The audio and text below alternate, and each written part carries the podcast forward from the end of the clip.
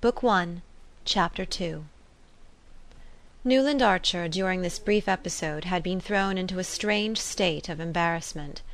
It was annoying that the box which was thus attracting the undivided attention of masculine New York should be that in which his betrothed was seated between her mother and aunt, and for a moment he could not identify the lady in the Empire dress, nor imagine why her presence created such excitement among the initiated.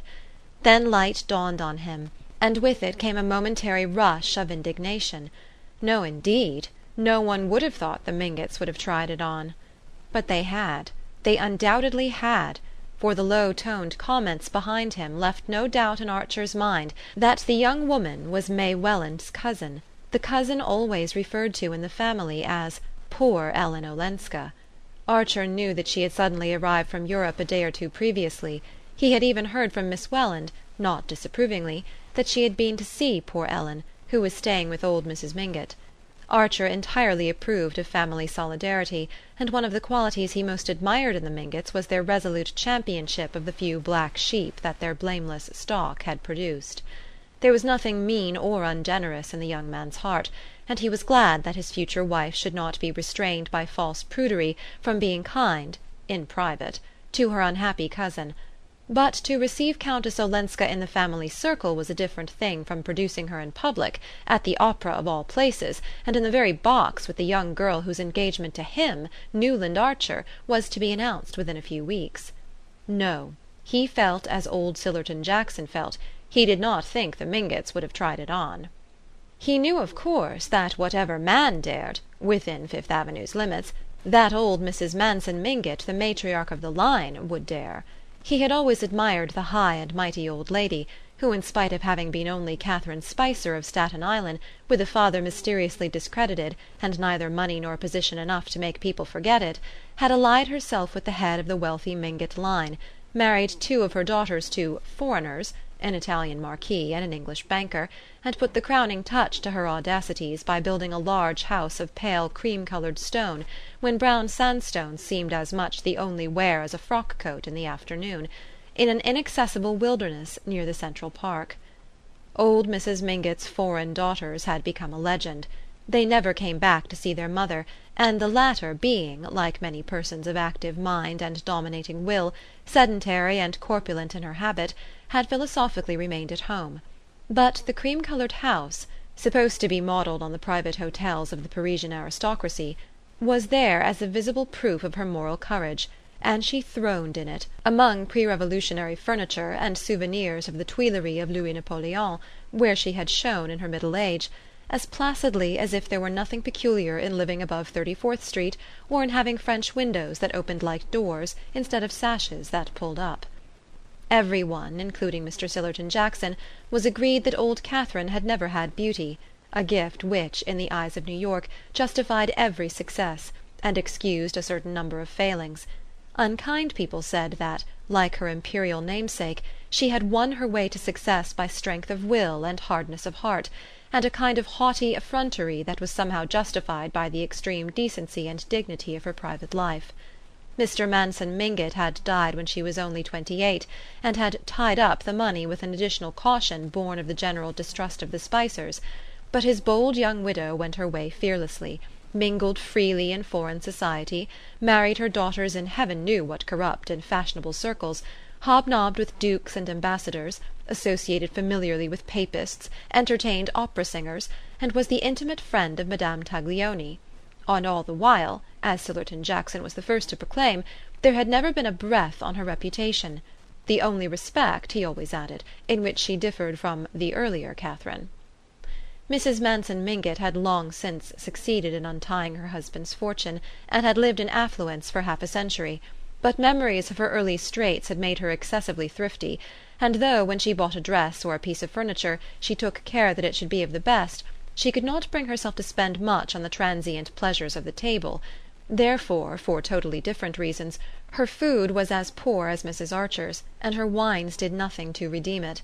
Her relatives considered that the penury of her table discredited the Mingott name, which had always been associated with good living; but people continued to come to her in spite of the "made" dishes and flat champagne, and in reply to the remonstrance of her son Lovell, who tried to retrieve the family credit by having the best chef in New York, she used to say laughingly: "What's the use of two good cooks in one family, now that I've married the girls and can't eat sauces?" Newland Archer, as he mused on these things, had once more turned his eyes toward the Mingott box.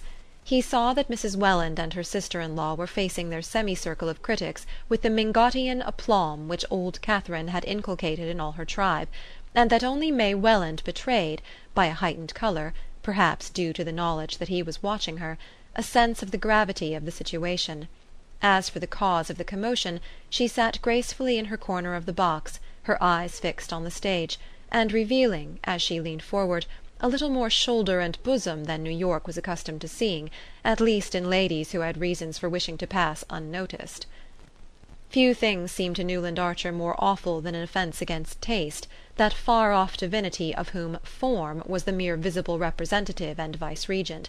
Madame Olenska's pale and serious face appealed to his fancy as suited to the occasion and to her unhappy situation but the way her dress, which had no tucker, sloped away from her thin shoulders shocked and troubled him. He hated to think of May Welland's being exposed to the influence of a young woman so careless of the dictates of taste.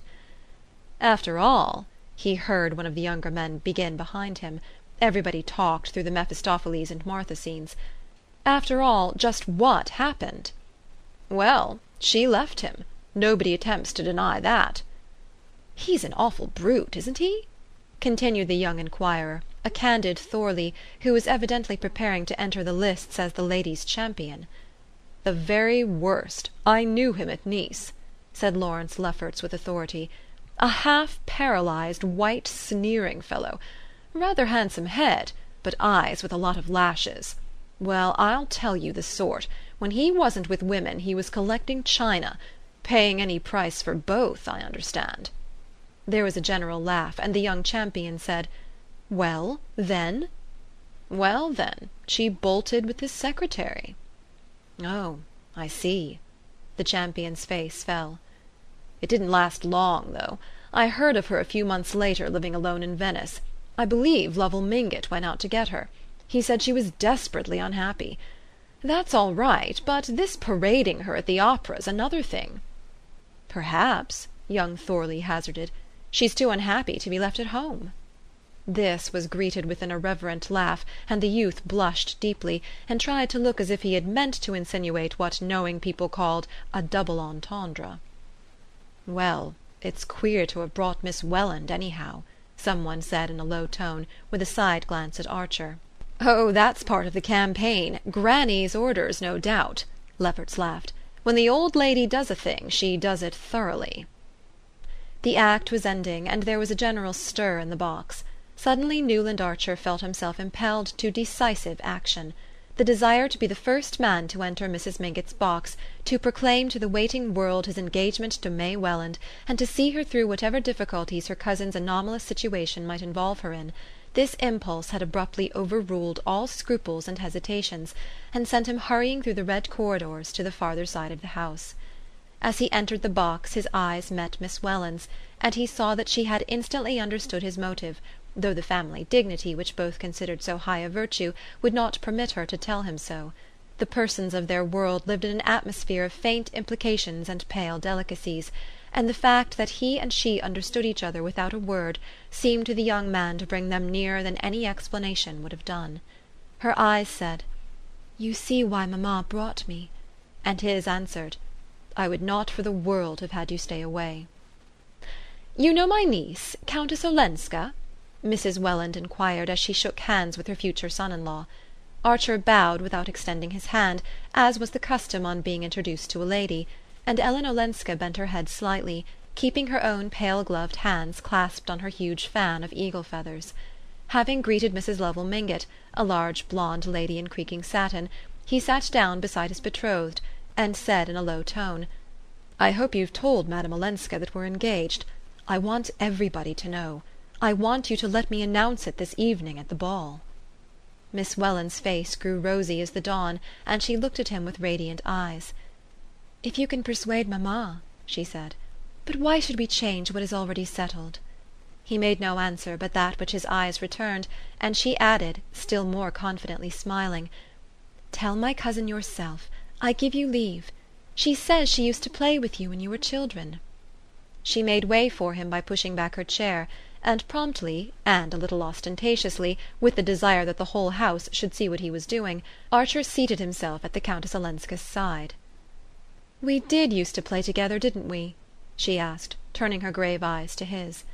"You were a horrid boy, and kissed me once behind a door. But it was your cousin, Vandie Newland, who never looked at me that I was in love with."